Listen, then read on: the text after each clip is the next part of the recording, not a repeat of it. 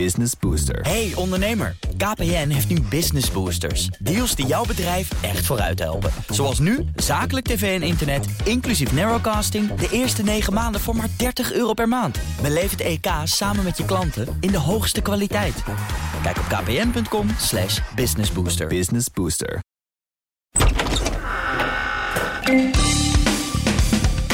Dit is Studio Den Haag van 8 september 2023.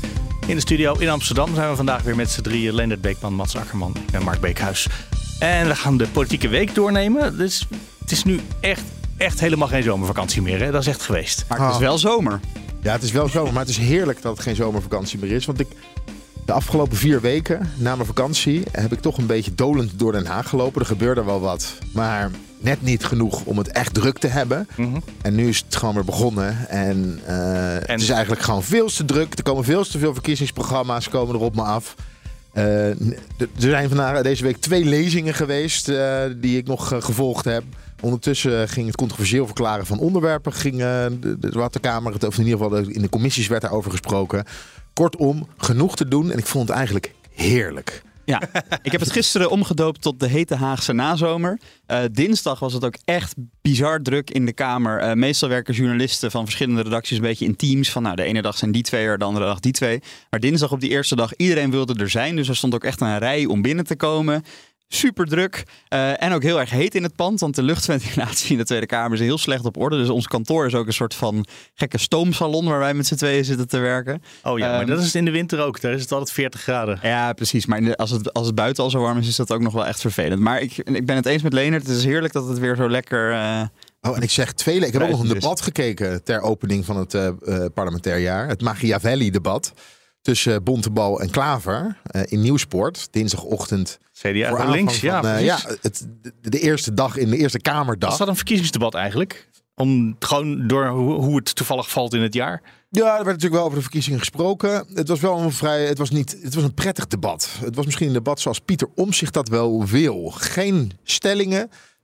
Wel eh, het met elkaar oneens zijn. Wel En dat- stellingnames. Wel stellingnames, maar het was een prettig debatje om naar te kijken. Oké. Je zei al, Leendert, deze week zijn er heel veel verkiezingsprogramma's uitgekomen. Vorige week hebben we die van eh, VVD en eh, GroenLinks Partij van de Arbeid, zeg ik uit het hoofd. eh, Nee, want de Partij van eh die- die Arbeid kwamen GroenLinks, nu, ja. die, die is nu pas deze week gekomen. En vorige week hebben we naar de VVD geke- gekeken. Toen kwam de SP ook uit. Daar hebben we geen tijd voor gehad om dat, om dat te zien. Deze week hebben we nog een verkiezingsprogramma van het CDA gekregen. Volt hebben we gekregen. Partij voor de Dieren hebben we gekregen. Ehm wie hebben Partij we nog van de meer? Arbeid GroenLinks. Partij van de Arbeid GroenLinks. En dan vallen er toch wel een paar dingen op. Bijvoorbeeld, laten we even deze week begint met eh, voor mij het CDA. Op het eh, partijbureau van het CDA. En dan kom je dan aan, statig gebouw. En dan kom je echt op een plek waar eh, een grote partij hoort te zitten. Ja, Eh, maar het CDA is een splinterpartij. Ja, is nu een sprint, want het is een Kleiner dan heel de ChristenUnie groot, waarschijnlijk. Misschien statig gebouw is dan het. de SGP. Echt Waarom, he- waarom hebben we het hier over? Moeten we het, want we hebben de SP ook, Nou, omdat ik- ze niet groot Ik genoeg ga, worden ik ga vertellen waarom we het hierover hebben. Ehm, de dag voordat het verkiezingsprogramma gepresenteerd werd, kregen we netjes onder embargo als pers kregen we het verkiezingsprogramma opgestuurd. Dus ik kon goed beslagen te ijs kon ik naar het partijbureau gaan om over dat verkiezingsprogramma te praten met Bontebal. In de middag ook in de uitzending. Allemaal netjes afgestemd. Dan even de tegenstelling met Partij van de Arbeid GroenLinks. Daar ben ik vorige week al begonnen met de vraag te stellen: kan ik onder embargo het verkiezingsprogramma krijgen? Kunnen we afspraken maken om dinsdag, meen ik, want de dagen gaan nu een beetje door eh, dinsdag, ja, eh, om het daarover te hebben eh, in de uitzending, dat er dan ook iemand fysiek aanwezig is. Timmermans, eh, die was het land in. Die ging niet, het werd niet het, werd, het kwam digitaal om drie uur. Nou, kortom, verkiezingsprogramma kon ik niet eerder krijgen. Eh, het heeft heel lang geduurd voordat ik wist of ik iemand kon spreken. Uiteindelijk, nee, ik kan toch niet in de uitzending een half uurtje daarvoor korte quote eh, halen. Nam Klaver wel de tijd voor me, maar in ieder geval geen Timmermans en geen uitgebreid interview. Maar wat schetst de verbazing? Op het moment dat het verkiezingsprogramma uitkomt, om drie uur, staan er op drie grote nieuwsites, eh, het ANP, RTL en het AD, direct grote artikelen waarin de inhoud, hè, ze hadden het duidelijk van tevoren gekregen, besproken werd.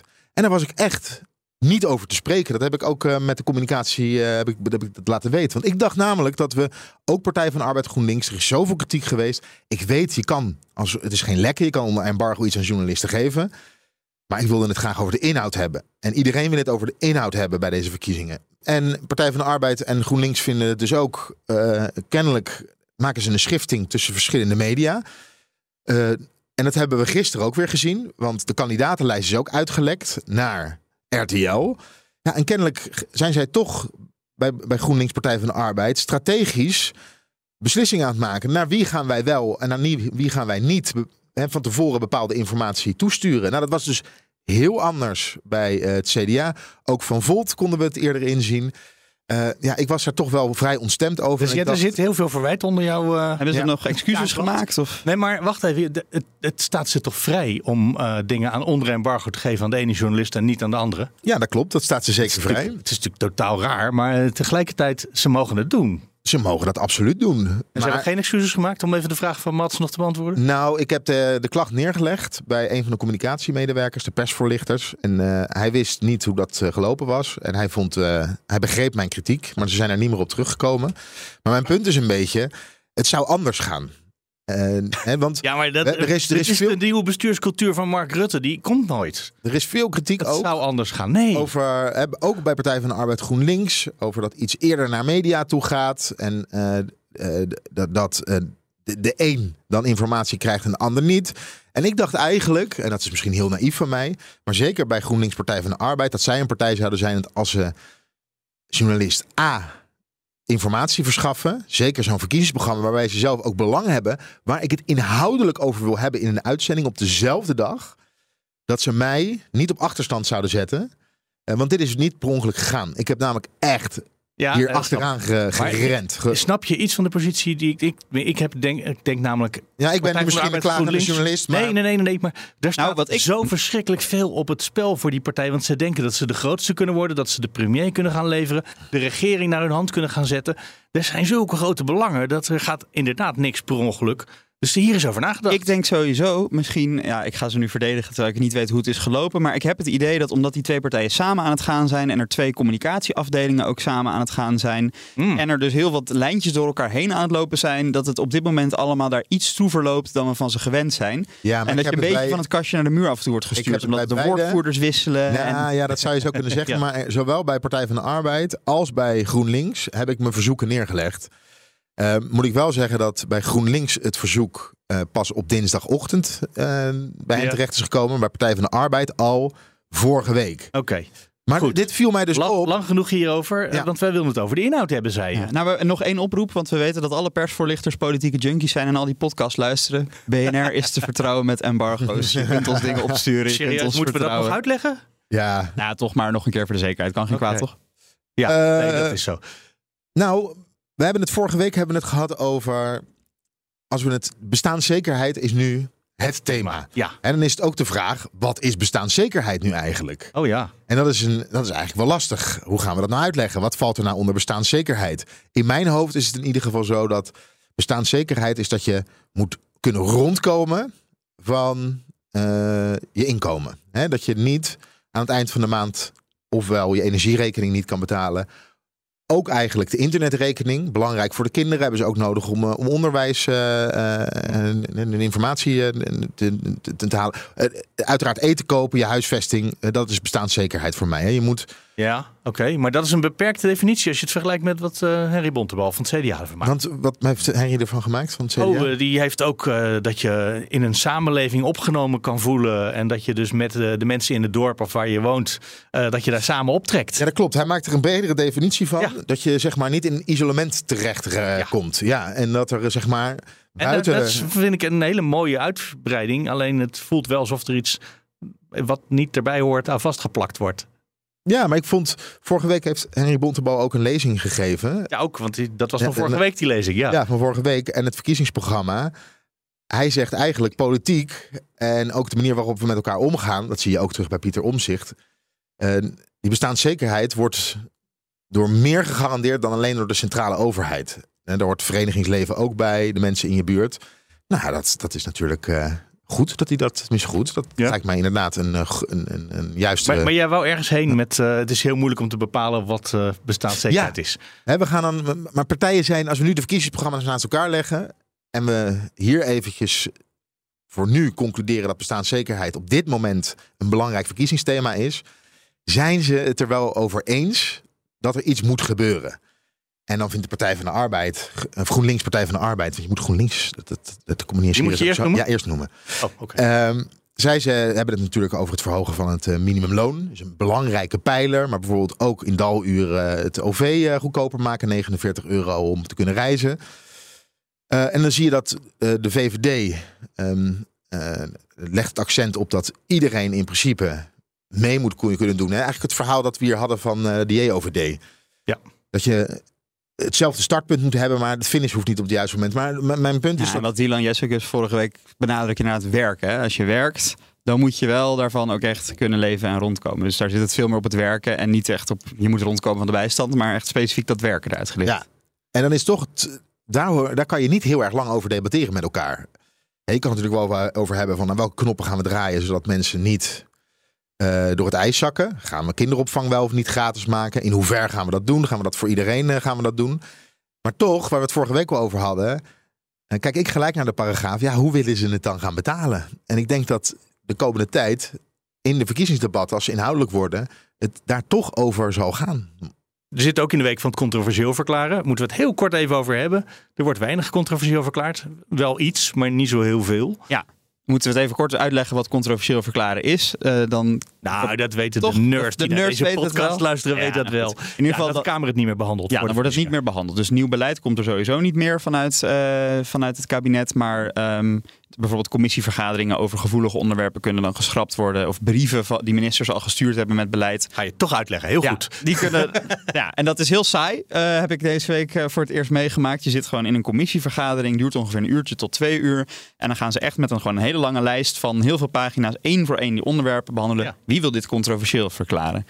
En vroeger was daar een soort ja, ongeschreven regel dat ook als grote minderheden iets controversieel wilden verklaren, dat je daar rekening mee hield. Dat een, een kleine partij als de SGP bijvoorbeeld, als die iets heel erg gevoelig lag voor hun achterban, dat andere partijen dan zeiden, nou, als dit voor jullie heel zwaar weegt, stemmen wij wel mee.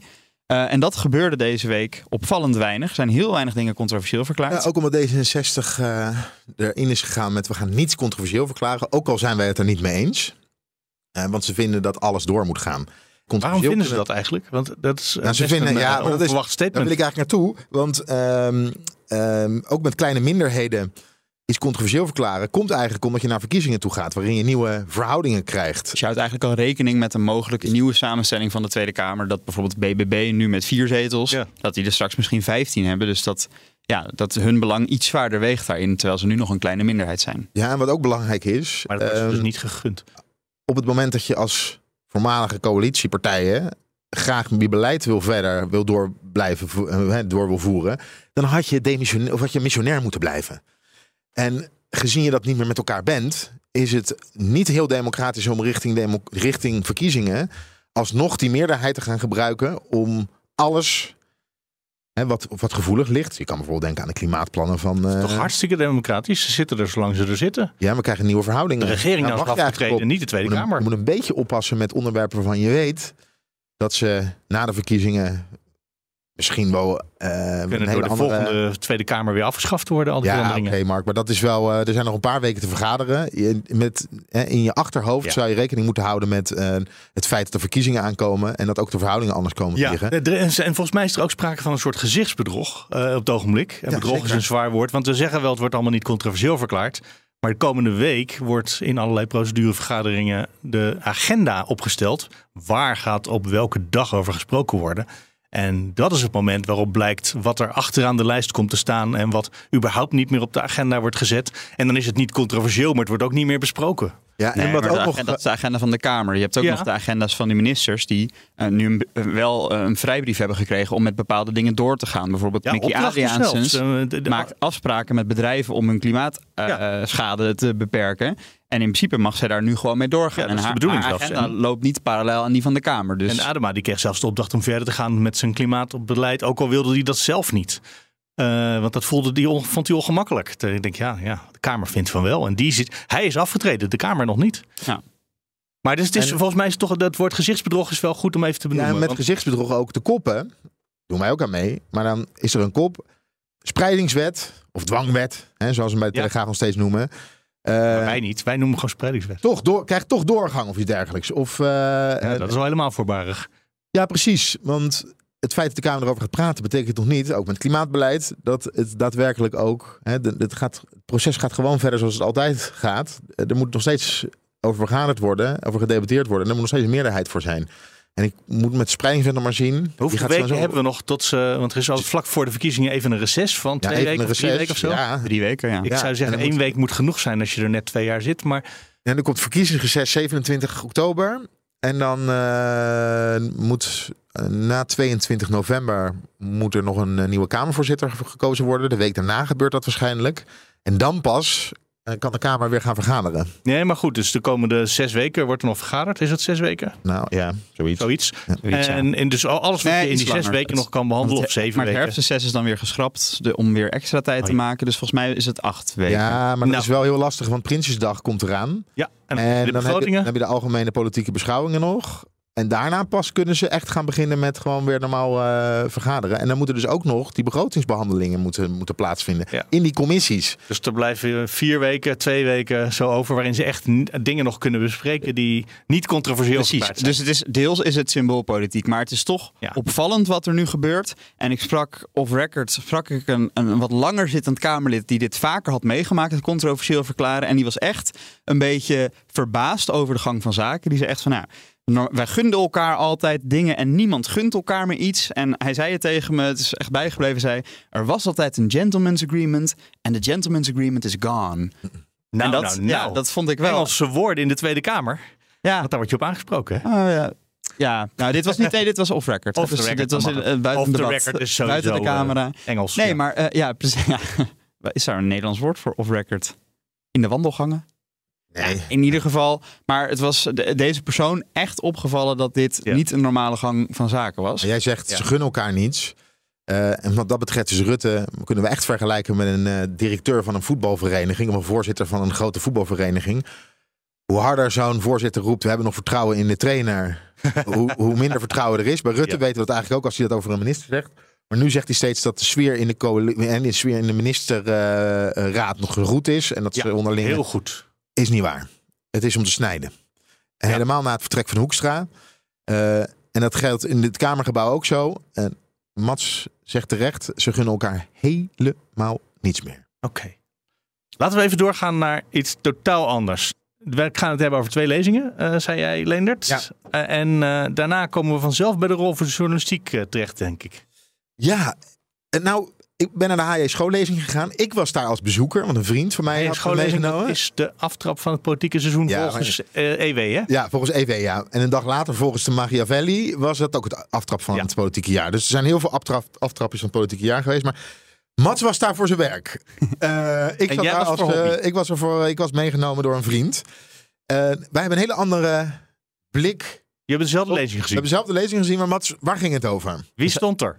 En Caroline van der Plas, Ja, de moet goed om even te benoemen. van de Boer-Burgerbeweging. Ja, voor wie er eh, niet bij was. We hadden letterlijk overigens een andere blik, want ik zat links en Leonard zat rechts. En ik zat laag en hij zat hoog.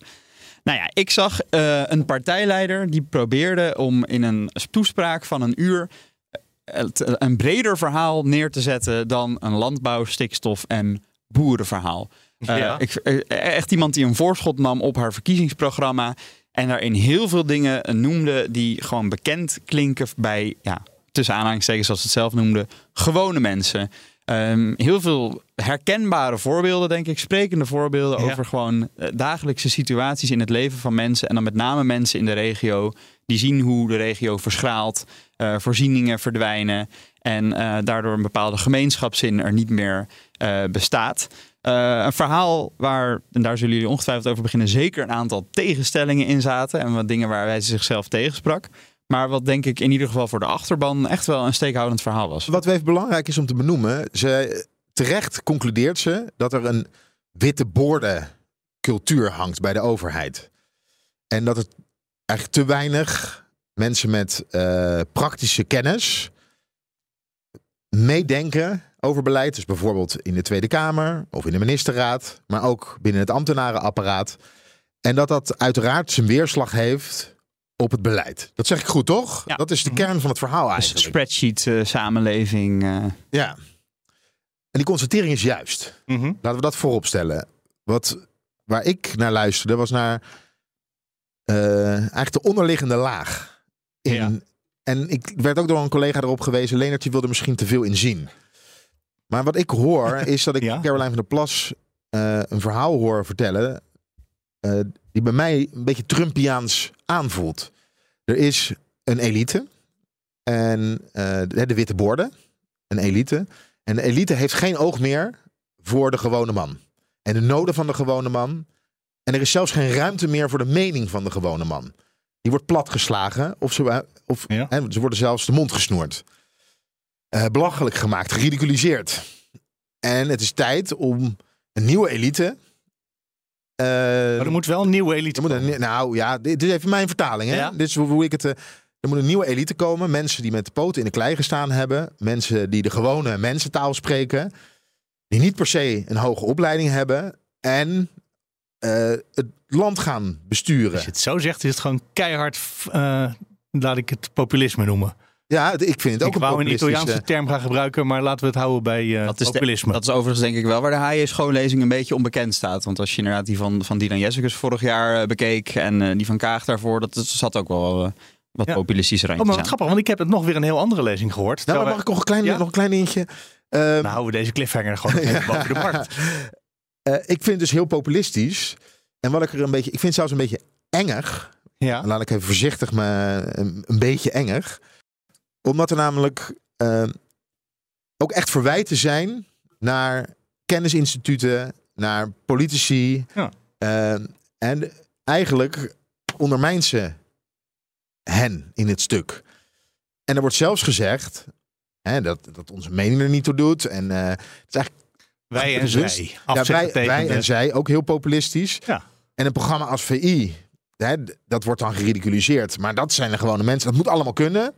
Maar ondertussen zegt ze ook, ja, die elite, die, die zo met dédain over het gewone volk, zij moeten wel een toontje lager gaan zingen. Kortom hun mond gaan houden. En vrijheid voor democratie. Is er? begin van intimidatie hoor ik erin terug nu. De vrijheid voor, voor, de, voor, eh, voor, van meningsuiting uiting is er. Ja. Maar eh, er zitten wel grenzen aan. Je hoeft niet alles te roepen. Verwijzend naar Sander Schimmelpenning, die iedereen dom rechts noemt. Dus hè, de, de, de, de gewone mensenmening. Of het nou, en dan ook over, over woke. En eh, zo benoemt ze het niet. Maar dat weten we natuurlijk dat het aan de tafel van VI ook gebeurt. Of over andere politici. Dat moet kunnen. Maar als het een niet welgevallige mening is Dan moet het niet per dan se moet het niet kunnen. per se kunnen. En dan ga ik nog één, want ik weet dat ik langdradig altijd ben. Dan ga ik nog. eh, Nou, niet per se weten lang- waarom nee, deze podcast altijd lang duurt. ja, ja. Niet langdradig, maar veel tijd kost het. Ga Ja. verder. Eh, eh, ja, dit, was, dit was een punt waarop ik daar direct populistisch vond. En het engste stukje, ja, ik blijf het woord eng, dat is niet het goede woord. Maar het stukje waar ik het meest van schrok, was haar betoog over eh, de coronatijd. Waar Pieter Omzicht, waar we het zo meteen ook over hebben, ook kritiek op heeft.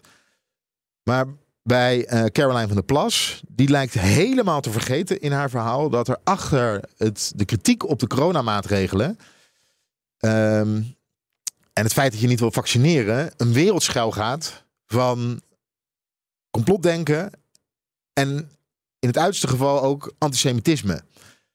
En dat vergoedelijkt ze eigenlijk. En daar schrok ik een beetje van. Oké. En ik snap dat ze dit allemaal gebeurt, want ze wil graag eh, een hele grote doelgroep aanspreken. Dat is namelijk wat ik hoorde. Eh, ze wil bijvoorbeeld ook de mensen van Forum binnenhalen en de mensen die PVV stemmen. En trouwens ook een paar mensen van links. Ik hoorde eigenlijk een hele lange checklist met, oh ja, doelgroep, daar moeten we nog een zinnetje voor hebben. Want het was niet één lopend verhaal, het waren heel veel korte stukjes. Eh, niet uh, Pieter Omtzigt, waar we het zo over gaan hebben. eens. Ja, ik wil hier zo ook wel op Ja, aanhaken. Omtzigt die had een mooi opgebouwd betoog. Dit was geen betoog. Het waren heel veel mededelingjes met dingen waar je als je in een deel van de doelgroep hoorde, je prettig bij kon voelen. En zodat je, voor iedereen kon je een quoteje knippen, zodat iedereen denkt, oh ja, nou is het toch wel mijn partij. Dus, ik denk dat je daar de PR-achtergrond van de organisatie in herkent. Dat ze snappen hoe je met doelgroepen communiceert. Nou ja, ik denk wel, hè, wat de Nauber-staat, Behendig. hè, de, de Ja. staat waarbij we naar elkaar omkijken. kan hè, de niemand gemeenschapszin. zijn. Lekker. Heel erg CDA. Ja. Eh, het verhaal, de spreadsheet-maatschappij, de overheid. Ik denk alleen nog maar in gemiddeldes. Maar als je niet naar de gemiddeldes kijkt, zie je dat de mensen die het goed hebben gaan erop vooruit. Ja. En de mensen die het slecht hebben gaan erop achteruit. Dieter Omzicht. Ja. Eh, het corona-kritische verhaal, waar ik het overigens niet helemaal met je over eens ben. Want ik vond dat er ook wel herkenbare elementen in zaten. Ehm, Ja, het is goed is, is, uitgevoerd. is coronacritici, hè, de coronakritische partijen. Nou, Wieben van Haga, eh, Forum voor Democratie. Eh, dus inderdaad, het was een beetje... Zij eh, stond er heel goed voor in de peilingen... totdat Pieter Omzicht bekend maakte dat hij mee ging doen. En dat zat hierin, dat ze gewoon heel veel mededelingen voor heel Ja, veel doelgroepen weet, goed weten te en ze weet aan, waar het spectrum zit van haar kiezers. Hè. Ze heeft Mona Keizer als premierskandidaat gelanceerd, toch niet premierskandidaat. Oh ja. Ehm, en uit de opinieonderzoeken bleek dat dat vooral eh, goed was gevallen bij de rechtse en centrumrechtse kiezers. Of nou, centrumrechts en rechts van het centrum. Ehm, dus ze weet ook wel waar haar potentieel zit. En dat Ja. heeft ze in deze speech, denk ik, uitgezet door heel erg te proberen naar al die kanten een beetje te hengelen. Ja. Ja, campagne. Het is eh, campagne. Ja, hoe, hoe thuis de status van eh Mona Keizer vandaag? Want dat wisselt nogal eens. Soms is eh, Ja. onze nieuwe premier, soms onze nieuwe premierkandidaat, soms dat ineens niet meer. Nou, we kregen dus, eh, ik vertelde vorige week dat ik eigenlijk het Ja, jij idee vond het had... een beetje gek dat ze die positie Ja. kreeg. Ja, nou, ja, ik naar het partijbureau van BBB, is een, is een uithoek bij Deventer. Eh, we werden opgesloten in een kamertje. Het In een- is, nu, Het nu is precies dat DDM wat ze Ja. in Nee, die ja, speech. nou de uithoek Deventer. Ja, ga verder. Ja, we werden in een kamertje werden we opgesloten. En ik had daar echt het gevoel, eh, waar hebben we ons in laten luizen? Persbericht, eh legt u uw bingo kaart met naam maar weg. Want eh, het, la- het lange wachten is voorbij. Wij gaan onze premierskandidaat bekendmaken. Niks over een nummer twee. Ik voelde bij andere journalisten dat ze ook zoiets hadden van... in wat voor circus zijn we nou eigenlijk terechtgekomen? en Waarom hebben we ons hierin laten luizen? Ja? En een paar dagen later bij op één roept eh Caroline van der Plas... ja, het ging helemaal niet om de premierskandidaat. Dat zei ze in haar schoollezing ook. Het zijn geen premiersverkiezingen. We hebben gewoon onze nummer twee gepresenteerd. Ja, vol, volstrekte onzin. En ik ben nog naar Caroline van der Plas toegegaan om het met haar erover te hebben. Toen zei Ja? want ze zei... en de media heeft het ervan gemaakt. Zeg ik van, ja Caroline, als jullie ons naar, naar, naar, naar, naar Deventer laten komen... om de premierskandidaat te presenteren... dat staat zelfs zo in de uitnodiging... Dan, moet je, dan is het niet gek dat we dat, eh, dat, dat de kop wordt. Toen zei ze, ja, ik heb ook in de journalistiek gewerkt en jullie hebben, eh, jullie hebben een beetje lange tenen. Eh, maar ze wilde graag met ons er een keer over doorpraten. Maar ze was het in ieder geval niet met me eens. Want ik zal verder het eh, persoonlijke gesprekje met haar niet. We hebben geen ruzie gehad. Ze, was, eh, ze stond me netjes te woord. Maar ze was het niet met me eens. Maar ik was daar wel heel erg verbaasd En je bent uitgenodigd voor een presentatie van iets. En achteraf blijkt dat niet gepresenteerd te zijn geworden. En dat ligt aan de media. Ja. Ehm, ik heb de neiging om nu naar de enquêtecommissie Nee, want we eh, hebben te Pieter. Omtzigt nog niet eh, Ja, behandeld. Maar want, eh, om die dan even ertussendoor te vouwen. Want de parlementaire enquête die deze week is begonnen gaat over de. eh, over het toeslagenschandaal en over de handhaving. En de, de- het is veel breder dan dat, maar daar komt het wel op neer. Daar gingen de eerste dagen ook heel erg over de journalistiek. Eerst waren er slachtoffers aan het woord. Eh, die slachtoffers die hebben hun verhaal gedaan en dat is indrukwekkend in zichzelf. En daarna kwamen er eh, deskundigen en die zeiden, de, nou nee, die werden gevraagd, hebben de media het gedaan? Ja, dat was. ehm, nou, ik, moet, ik, ik heb het bijna helemaal gevolgd. Het was wel een druk schema, dus het was ook Ja. veel terugkijken, zoals Leonard dan eh, zegt. Er waren twee hoogleraren op woensdag: hoogleraar sociaal verzekeringsrecht en een hoogleraar media, eh, wetenschapscommunicatie, politieke Wouter communicatie. Ik ben even kwijt wat zijn exact eh, Ja, specialisme die, is. die maar titels. zoiets. Maar eigenlijk gingen zij een soort geschiedenis geven van 30 jaar aan eh, beleid en sociaal beleid, bijstandsbeleid, en de toeslagenbeleid. interactie tussen de En de politiek en de, tussen de politiek en de media. En dat werd in dat verhaal wat mij, bij mij is blijven hangen neergezet als een soort tango. Als een soort ja, dans waarbij, we, waarbij zowel politiek als journalisten vastzitten aan elkaar. Want je hebt elkaar, eh, ja, je bent kritisch naar elkaar. Maar aan het eind van de dag heb je elkaar ook altijd weer nodig. Ja, Ehm, en soms leidt de een en soms leidt de ander. eh, was volgens mij de insteek van de commissie die de vragen stelde. Een dag later zat er een journalist. Eh, Ja. Oud-FD-journalist overigens, eh, maar vooral de laatste jaren bij de Volkskrant. Volkskrant, ja, degene die voor de Volkskrant sociale zaken en volksgezondheid volgde. En die, Eh, die in een tijd dat journalisten nog bepaalde portefeuilles heel erg opzaten. Ja, maar hij sprak dat eigenlijk tegen. Hij zei nee, journalistiek volgt altijd wat er in de politiek gebeurt. En dus die sprak die tango een beetje tegen. Ja, ja, ja, en ik denk dat die tango er echt wel is. Uh, en de grootste kritiek van die hoogleraren was denk ik dat doordat, doordat die tango er is, um, ja, kijken wij veel minder naar wetten en naar inhoud en naar dingen die misschien toch saai zijn en taai en niet sexy en misschien niet verkopen. En ja, iets te veel naar de relletjes. En ik moest een beetje ook terugdenken aan onze zomerserie, waarbij we het hier ook wel een beetje over hebben gehad. Zeker. Um, ja, en geen onterechte kritiek, denk ik, dat je daardoor toch zoiets als een toeslagenaffaire uh, kan missen. Um, ook voor politici die ja, bezig zijn met profiel opbouwen en met wat ze doen proberen in de media te komen. En misschien ook dan uh, onderwerpen kiezen die, uh, ja, hoe zeg je dat, aanspreken. En uh, hij schetste dat mooi. Hè? Die, hij kreeg eigenlijk de vraag van kun je medialogica uitleggen? Um, en hij schetste dat mooi door te zeggen van nou, vaak gebeuren er dingen. En wanneer gaan journalisten ze nou echt oppakken als er iets aan de hand is? Dus, als er conflict is. Als er conflict is, ja. dan wordt het opeens interessant. Dus er kan heel lang wetgeving. Uh, ja, hij had wat een paar concrete voorbeelden die ik niet meer herinner. Ja, maar dan ging het over de, de, de strafmaat. Op een goed moment ging de straf voor uh, fraude met uh, uitkeringen ging omhoog. Je moet alles terugbetalen plus 100% boete.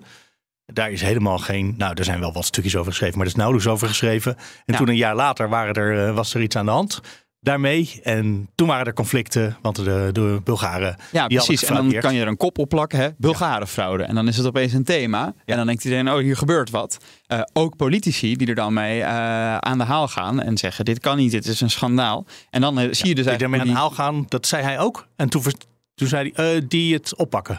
Oh, nou, ja, Wat daarmee aan de haal gaan is, heeft een negatieve connotatie. Ik vond het overigens... Nou ja, maar ik, nou, ik geef wel bewust die negatieve connotatie. Want politici... Het is, ik, ik, wil echt heel veel schuld op me nemen. Want wij doen echt dingen niet goed ook daarin, denk ik. Maar uh, politici willen in de media komen. En als ze denken, zodra er zo'n onderwerp Bulgarenfraude hot topic is... dan zijn ze er allemaal als de eerste bij om te zeggen... dit is een schande, dit kan niet, dit moet je hard aanpakken. En dan de minister op het matje te roepen om ze de opdracht te geven om uh, uh, te gaan straffen. Ik vond het verhaal van Wouter van Hartveld echt heel erg nuttig. Omdat het heel erg lijkt op heel veel uh, gesprekken die ik met tantes en andere familieleden heb gehad in het verleden. Over hoe werkt nou de journalistiek? Wat, voor, wat bepaalt nou wat er in de krant komt? En de man van de journalistiek, uh, die kwam er niet zo goed uit. Die zei gewoon ja, we overleggen met collega's en dan uh, kijken we of we het goed vinden. Dat is niet onwaar. Maar Van Attenveld die legde heel netjes uit hoe medialogica bepaalt wat wel of niet in de media komt. Is een beetje wat jij al hebt uitgelegd. Ik ga dat achter de eindtune van deze podcast aan, uh, aan de podcast ik. Het, zodat iedereen de laatste gehoord. vier minuten kan horen. Ik heb het niet gehoord. Maar heeft hij ook iets gezegd over gewoon uh, het feit dat, dat je ook iets moet maken wat gelezen wordt of geluisterd ja, wordt? In okay. essentie beschrijft hij dat. En, en de medialogica is voor een deel ook gewoon, maar dat zei, hij zei dat niet, maar dat dacht ik toen ik hem hoorde praten. Uh, afhankelijk van het medium heb je gewoon sommige dingen die wel en die niet kunnen, of die wel en niet goed uit zullen pakken. Een fantastisch mooie vulkaanuitbarsting. Kan je een mooie foto van in de krant zetten. Lekker, klein fotobijschrift, heb je geen tekst nodig. Een politiek interview heb je misschien ook een foto nodig, maar dan heb je een lang tekst nodig. Mm -hmm. uh, op de radio doen vulkaanuitbarstingen het heel slecht. Ja. uh, dat is medialogica. De, de, beperkingen, maar, maar hij legt dat veel beter en veel uitgebreider uit. En daar zitten ook uh, de consequenties daarvan voor de politiek, die legt hij ook meteen eventjes in vier minuten uit. Echt een mini-hoorcollege uh, wat ik iedereen aanraad om tot het eind te blijven luisteren. Ik heb wel eens vaker gezegd, en dat klinkt altijd heel slecht, dat uh, onze stukjes ook betaald moeten worden. Ja. En mensen willen eigenlijk niet meer betalen voor nieuws. Hm. Maar wel kritiek op, ja, de media die uh, is bezig met alleen maar achter de relletjes aanlopen. En, wat er, en, en clickbait zijn ze aan het produceren. Maar ja, clickbait, daar kan je een advertentie voor zetten. En kan je, kan je inkomsten uithalen. En dat klinkt, dat vind ik ook heel vervelend dat het zo werkt. Maar als een pleidooi voor goede journalistiek, ga voor journalistiek betalen. Dat is even mijn, uh, mijn pleidooi vandaag hier. Dan kan, het, dan kan het ook veranderen. Dus als consument heb je hier ook een hand in.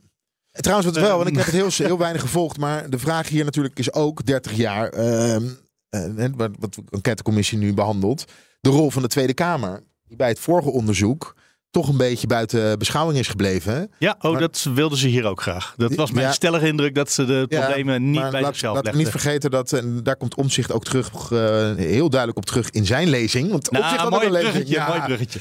Omzicht had ook een lezing uh, in Nieuwsport. De Nieuwsportlezing. Ja, nog Rutte nog niet besproken alleen. Ja. Oh. Nee, dat komt nog zo. Eigenlijk uh, zagen we daar, uh, het was echt een hoorcollege. inhoudelijk doorvlochten goed verhaal. Wel bekende thema's kwamen voorbij. de transparante overheid, informatievoorziening. Hè, dat de overheid wel een hoop verzamelt, eh, maar zelf niet, niet open genoeg is om zijn eigen informatie te delen. Eh, wat ook eng kan worden. Hè, daar moeten we ons heel bewust van zijn, zegt hij. En het ging natuurlijk over de, over de rechtsstaat. Maar dan even over medialogica. Het was wel al een bekend verhaal. Maar in het begin zegt hij iets over... ik let niet op de peilingen. En op het einde zei hij... als ik ga debatteren wil ik inhoudelijke debatten... en niet in one-liners. En wat komt er in de, me- wat komt er in de media terecht? Die eerste en die laatste Die zin. eerste en die laatste. En alle inhoud. En alle inhoud blijft weg. Maar ook wel, want dat zei hij direct tegen mij. Ja, het, het verhaal in het midden kenden we eigenlijk al van omzicht. ja, dat is Wij wat, in ieder eh, geval. Dat is wat nieuws vraag, is. Nieuws is wat we nog niet het, weten. Onze luisteraar het ook, denkt het wel. Ehm, maar ja, Omzicht maakte zich terecht ernstige zorgen over, ja, over, de, over de rechtsstaat. En, maar ook over de Tweede Kamer dus. En de controlerende taak. Het gaat niet alleen maar om je emotietje en dat promoten op Twitter. Je moet wetgeving controleren. En dat ja, op een eh, doorvlochte manier doen. Meteen even een goed moment om te vragen of het jullie lukt om de inhoud daarbij te blijven en niet te veel over, zoals dat zo lelijk heet, de poppetjes te spreken. Want dat is natuurlijk altijd een gevecht in de uitzending met eindredacteuren en presentatoren die eh, poppetjes ook interessant vinden, de mensen interessant vinden. Lukt dat tot nu toe? Nee, want ik heb vorige week bij BBB op een partijbureau gestaan, opgesloten in een kamer, omdat er een poppetje aankwam. Dus ik kan eh, hierbij bevestigen de dat het... week is eh, dat. Ja, we gaan deze, Ja. ik ga proberen deze vraag tot de verkiezingen regelmatig te stellen. Ik zit deze week even te denken. Ja, ik denk dat is tot nu toe. Nou ja, ik heb inhoud ehm Volt verkiezingsprogramma gecoverd. Daar heb ik vooral even. Ja, ik heb het, kon het niet van tevoren helemaal lezen, maar wel toch een paar inhoudelijke vragen kunnen stellen aan de partijleider. Ja. Controversieel verklaren heb ik het vooral heel erg gehad over het proces en wat daarin opviel. Dus dat vind ik ook wel inhoud.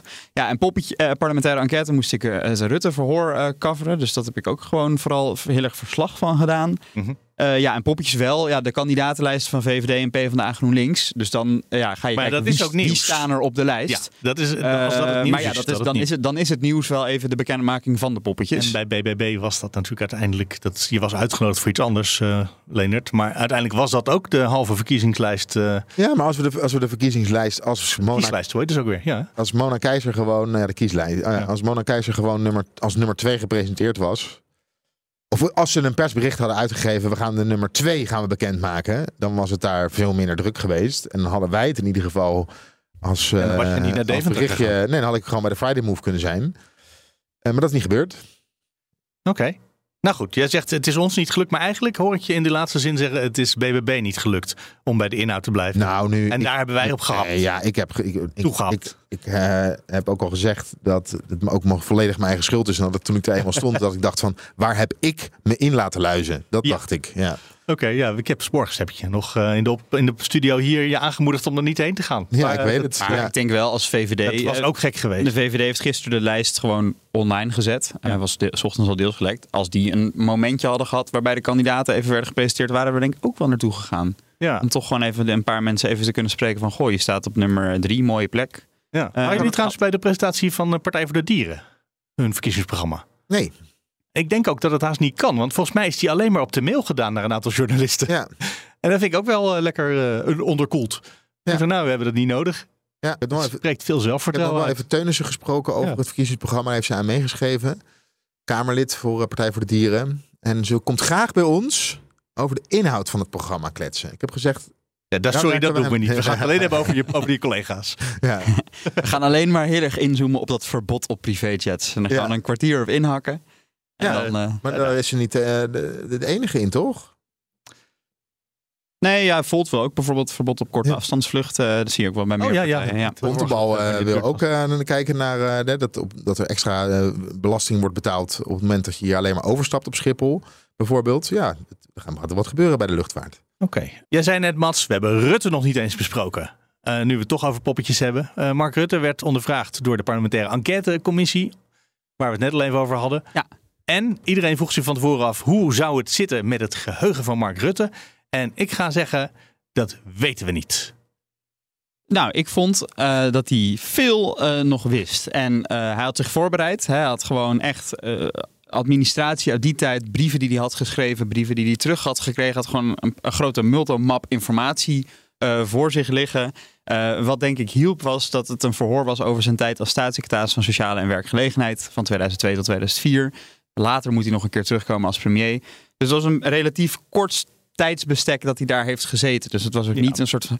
eh, hè, eh, Twee jaar ongeveer. het is niet een soort van. eh, vertel even, je, vat even je hele leven samen. Ja, twee jaar volgens mij heeft hij Ja, daar gezeten. ehm, en hij is, ik ga hem even samenvatten, denk ik. Hij zei of dit was al in gang gezet voor ik begon, of dit was heel erg in de tijdgeest. En eh, dat waren eigenlijk zijn twee antwoorden op alle vragen. Maar jij hebt het idee dat zijn geheugen goed was. En ik heb gehoord dat hij steeds zei: Ik ben dit bij de voorbereiding niet tegengekomen. Hij heeft het niet meer over zijn geheugen gehad. Hij heeft het niet meer gehad over of hij zich wel iets niet actief dan wel passief kon herinneren. Hij was het bij de voorbereiding niet tegengekomen. Dat was zijn antwoord op alle moeilijke vragen. En daarmee heeft hij zijn geheugen niet benoemd. En dus weten we niet hoe het met zijn geheugen gaat. Nou ja, hij had inderdaad een aantal dingen waar hij dan inderdaad niet uitkwam. Maar ehm, Die vraag, mensen die dat nog gaan terugkijken, die eh, komt misschien wel 10 of 15 keer voor in het uur dat hij daar zat. oké, dat was, het was me niet zo erg opgevallen. Nee, wat, hij deed het echt heel behendig. Was Nou, mijn, ja, de- nou ja. We gaan hem nog eens een keer missen, denk nou ja, ik. maar wat mij heel erg was bijgebleven is, hij had over sommige dingen kunnen zeggen, goh, dat had ik nu anders gedaan. Of daar was ik, eh, hè, dit was een moment om misschien een soort van boetekleed aan te trekken en zeggen, ik, misschien dat ik, eh, ook wel een eh, andere rol kunnen spelen. Hij heeft wel echt eh, zijn beleid van toen verdedigd. Hij is eigenlijk er echt gaan zitten en gezegd, wat ik toen vond als staatssecretaris 20 jaar geleden, dat vind ik nog steeds. Die fraudeaanpak, eh, dat moet je nog steeds doen. En de casus waar het dan over ging was eentje met eh, Somalische Nederlanders. ehm, waarbij hij een brief aan gemeenten had gestuurd met... ja, controleer die extra op bijstandsfraude. Want hij had stevige signalen gekregen vanuit Engeland... dat dat daar gebeurde. Dat ze in Nederland en Engeland tegelijk bijstand ontvingen. Eh, en dat daarom gemeenten extra moesten controleren. Rechter heeft toen even gezegd, dat is discriminatie.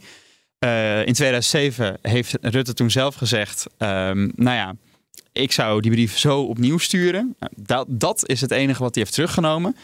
Hij zou nu zeggen, ik zou nu naar een andere manier zoeken om die fraude alsnog aan te pakken.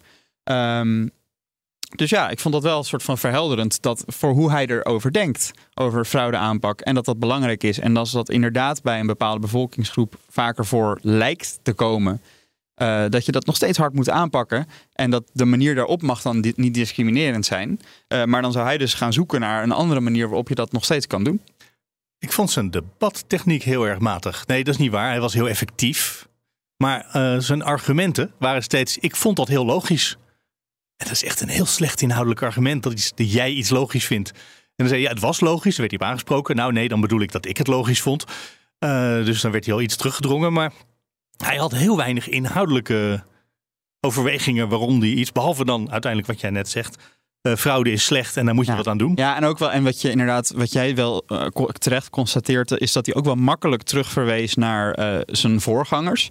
Hij zei bijvoorbeeld dat risicogestuurde beleid, dus dat je op, op groepen selecteert, ehm, dat dat heel erg was ingezet onder Kok al en dat hij dat eigenlijk voortzette. Hij zei over sommige dingen bijvoorbeeld ook van ja, dat Hij vond dat wel heel logisch en daar stond er volledig Ja. achter, maar Ja, hij had het niet ja. bedacht. Ja, precies. En hij zei ook sommige dingen van... ja, maar toen ik begon als staatssecretaris... toen was dat beleid net een half jaar geleden ingezet. Ja, het was ook wel gek geweest om na een half jaar alweer iets anders te gaan doen. Werd hij op een gegeven moment ook wel even op terecht gewezen... door eh, Salima Belhay, voorzitter van de parlementaire enquêtecommissie. Die zei, ja, jij bent toch staatssecretaris? Jij maakt toch het beleid?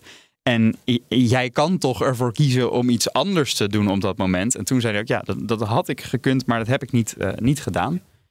Ehm, maar goed, Ja, normaal zou je aan het eind van zo'n eh, week je afvragen: kan deze premier blijven? Zou deze premier kunnen aanblijven? Ja, hè, er is niks aan de hand geweest deze week. bedoel, hij gaat weg, Nee, maar, maar, eh, hij, komt nog een keer voor zijn rol als premier. En dat wordt natuurlijk een veel spannender en langer verhoor. Eh, dit was echt een, echt een korte tijdsperiode. Want dat is ook, het is ook gewoon waar. Het is in twee, ze onderzoeken 30 jaar. En de vraag is, is er in die twee jaar nou echt zoveel gebeurd? Eh, ja, je, je kan het je afvragen. Volgende week wordt ook wel leuk trouwens. Ja, wie komen er volgende week? Ja, als de podcast online gaat mag dit bekend zijn. Dus ik kan het nu wel alvast eh, delen. Hoe laat Vol- mag het online? 12 uur, dus dat gaan wij redden. Oké. Ehm, volgende week krijgen we onder andere Sharon Dijksma in haar, over haar tijd als staatssecretaris van Onderwijs 2007 tot 2010 op maandag. Woensdag Paul de Krom, staatssecretaris van Sociale Zaken in Rutte 1.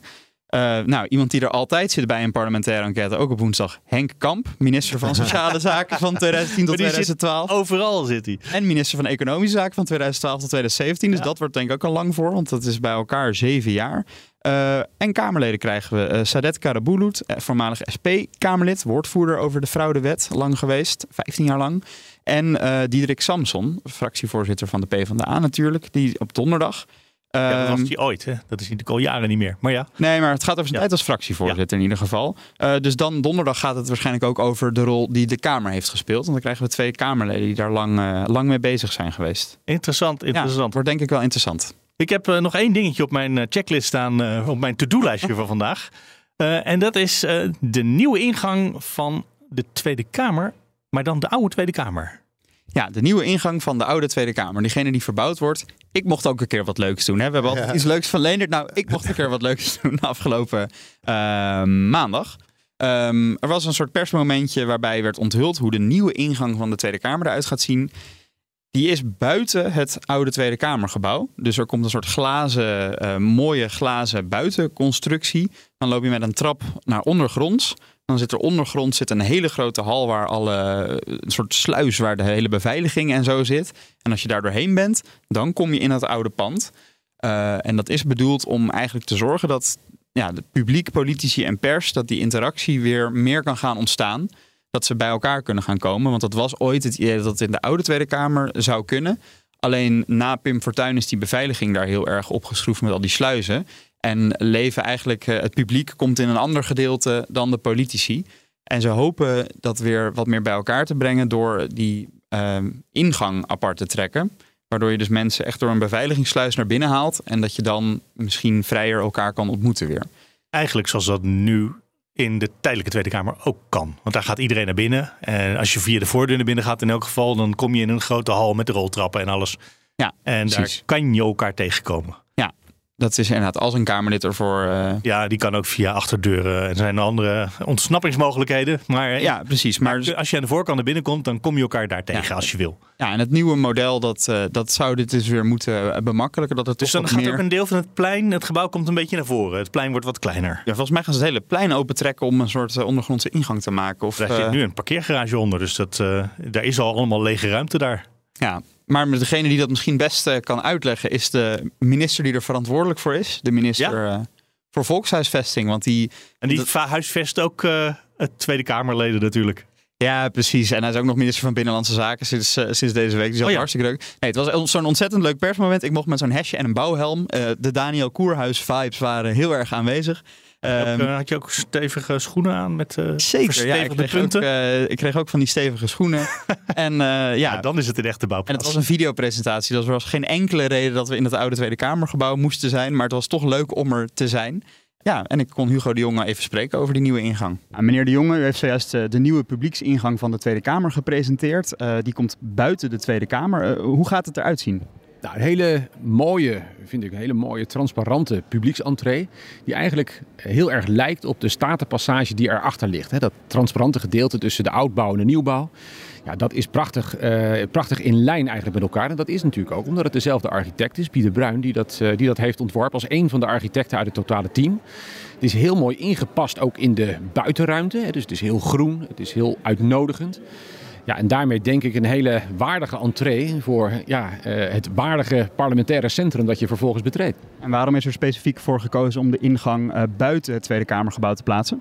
Dat is echt vanuit veiligheidsoverwegingen gedaan. Hè. Dus aan de buitenkant van het gebouw worden de mensen ontvangen, eh gescreend. De veiligheidsscreening vindt daar plaats, onder de grond. Het is een beetje zoals je het ziet in het Louvre bijvoorbeeld. Hè. Daar word je ook buiten het Louvre word je ontvangen. Onder de grond vinden de veiligheidschecks plaats. En daarna kun je het pand betreden. Nou, dat zal straks ook hier in de Tweede Kamer zo zijn. En eigenlijk is dat iets zoals ja, ook vroeger vroeger, 30 jaar geleden, die laatste verbouwing die we hier hebben gehad, da- daar, daar golden eigenlijk dezelfde redenen voor een aanpassing van het ontwerp. Ooit was die statenpassage bedoeld om helemaal open te zijn, waar, waar publiek en waar pers en politiek elkaar kon ontmoeten. Maar om veiligheidsredenen was dat gewoon eigenlijk niet te handhaven. En toen is gezegd, nou dan gaan we die toch dichtmaken aan beide kanten met een ontvangst. Eigenlijk nu weer zie je dat die veiligheidsredenen ja, toch vrij bepalend zijn in, in de ontwerpkeuzes die je moet maken.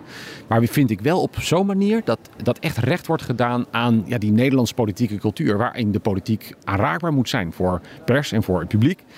Eh, aanspreekbaar moet zijn, waarin je elkaar moet kunnen ontmoeten. En dat is heel goed gelukt, vind ik, in dit nieuwe ontwerp. Dus het voldoet aan alle veiligheidsvereisten. Het parlementaire proces, wat er ook gebeurt, kan eigenlijk gewoon doorgaan. Maar het is, het is ook, ja, vind ik echt uitnodigend en transparant en, en laagdrempelig. En, Ja, maar nou hoorden we afgelopen week dat volgens mij meer dan 40 Kamerleden op dit moment bijvoorbeeld bedreigd worden. Nou, u heeft daar zelf ook mee te maken gehad. Ehm, denkt u echt dat het mogelijk is in dit ontwerp dat die ontmoeting tussen eh, publiek en politici en pers, dat die echt nog steeds goed mogelijk is? Ik denk het wel. Ondanks al die toegenomen eh, veiligheidseisen, of eigenlijk moet je zeggen juist dankzij al die toegenomen veiligheidseisen. Kijk, als er een echt goede screening buiten het gebouw plaatsvindt, dan, dan is het ook binnen het gebouw makkelijker veilig te maken. En als je ehm, deze screening ziet, zoals die straks mogelijk wordt eh, hier eh, in het parlement, ja, dan, dan helpt dat wel echt om het dan eh, ja, achter de barrière van die screening ook daadwerkelijk een veilige ontmoeting mogelijk te maken. En het is natuurlijk heel verdrietig hè, dat, die, dat die veiligheidseisen opgeschroefd moeten worden. Aan de andere kant, en dat heb ik natuurlijk ook zelf ervaren, het is juist eigenlijk dankzij die toegenomen veiligheidsmaatregelen dat je nog op een normale manier je werk kunt doen. En, eh, ja, en dat is belangrijk, denk ik, hè, want, want anders raken we meer kwijt dan ons lief is. Ja, en het ontwerp ziet er echt heel erg mooi uit. Ehm, maar wanneer gaat het publiek het zien? Wanneer is het ongeveer af? Dat duurt echt nog wel eventjes hoor. Uiteindelijk is het, is het parlement eh, pas eh, in 2028, eh, niet eerder dan 2028, weer toegankelijk voor het parlementaire werk en daarmee ook voor het publiek. Maar natuurlijk in de jaren daarvoor ga je aan de buitenkant wel wat zien. Het eerste wat mensen gaan zien straks is dat er eh, ja, hele grote ruimten onder de grond moeten worden gemaakt. Eerst op het opperhof, dus het, het, binnenhof. Ehm, eh, omdat eigenlijk alle installaties uit het gebouw worden gehaald en allemaal op het opperhof onder de grond worden gestopt. Eh, dat is om zoveel mogelijk ruimte te maken. Hoeveel ruimte? Eh, ja, echt heel veel. Het is, een, het is een halve Heineken musical die onder de grond eh, ja, wordt gebouwd aan het opperhof. Eigenlijk echt van wand tot wand. Ja, dat is heel bijzonder natuurlijk. Net zo'n grote bak komt dan hier buiten op de Hofplaats. En dat is dan die ontvangstruimte. Nou, uiteindelijk gaat dat ook allemaal weer dicht natuurlijk. Maar dat is het eerste, ja, de eerste activiteit, denk ik, die mensen echt van buiten gaan zien. En om te zorgen dat je dat ook echt kunt zien, wordt er een uitkijktoren gemaakt. Zodat je ook daadwerkelijk op die bouwplaats kunt kijken. Dus als mensen binnenkort in de buurt zijn, ja, kom gerust eh, een kijkje nemen. Ik denk dat in het begin van volgend jaar, het eerste kwartaal van volgend jaar, die uitkijktoren daadwerkelijk gereed is. Dus mocht je begin eh, 2024 hier in Den Haag zijn, kom gerust even een kijkje nemen naar de bouwwerkzaamheden. Ik heb overigens nog wel iets leuks voor het einde. Leendert, hoe kunnen we je Ja, tegenhouden? ja, ja, ja. Was, eh, Rutte is een beetje eh, losgekomen. Misschien ook wel een beetje uit zijn rol als premier. Dat merkten we dinsdag tijdens het vragenuur. Eerst stond hij... Hij, hij moest als eerst opkomen draven, want de SP had vragen gesteld over het lekken van eh, de, de, de plannen voor Prinsjesdag. Ja, Hè, dat rond- gebeurt elk jaar en Ja. de SP stelt er elk jaar vragen Ja, over. en, eh, het is een mooi dus- ritueel, hè? Ja, en hij was er zo verveeld over dat hij dat weer moest beantwoorden. Wat trouwens wel hele terechte vragen zijn, dat even terzijde. Ja. Maar dat, dat kon hij niet meer onder stoelen of banken. Hij stond gewoon weg te kijken, met zijn beetje met zijn ogen te draaien en eh, een beetje verveeld antwoord te geven. Maar hij kwam de Tweede Kamer uit en het vragenuur gaat dan gewoon door. En wij stonden naar de schermen te kijken. Jette was geloof ik eh, was, eh, was aan het woord. En ineens staat Mark Rutte naast me en die begint eh, een beetje tegen ons te praten. Oh, nou gaat, zijn jullie lekker bezig hier? En normaal loopt hij direct vanuit de, vanuit de Tweede Kamer door naar de ministerskamer toe. Maar hij kwam nu even, gewoon even een praatje maken. En toen iemand over de inhoud begon, ging hij gelijk weg.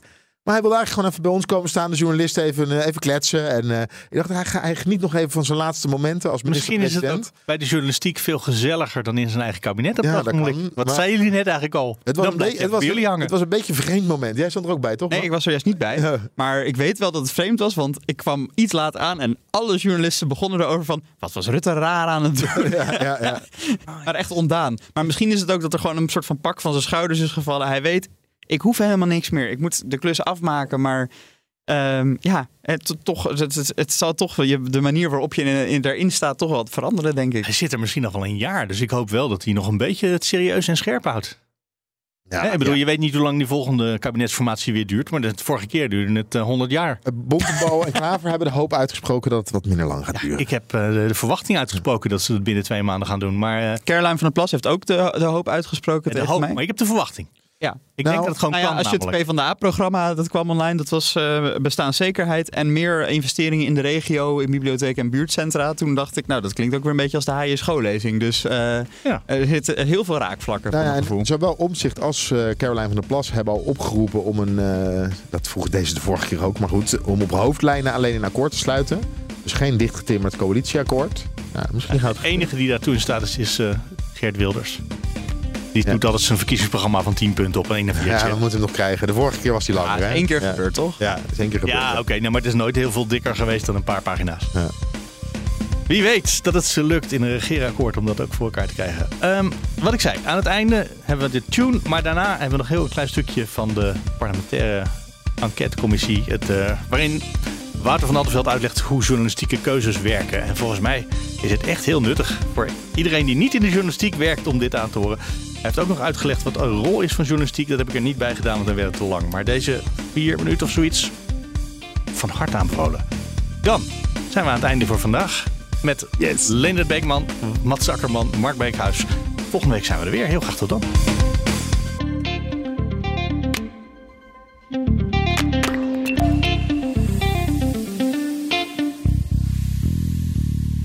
In essentie betekent medialogica dat de inhoud van het nieuws, de inhoud van de media, eh, voor een heel groot deel bepaald wordt door de logica van het medium. Dus door de, de normen of routines of van, van de journalist, door de beperkingen eh, van het audiovisuele of geschreven medium.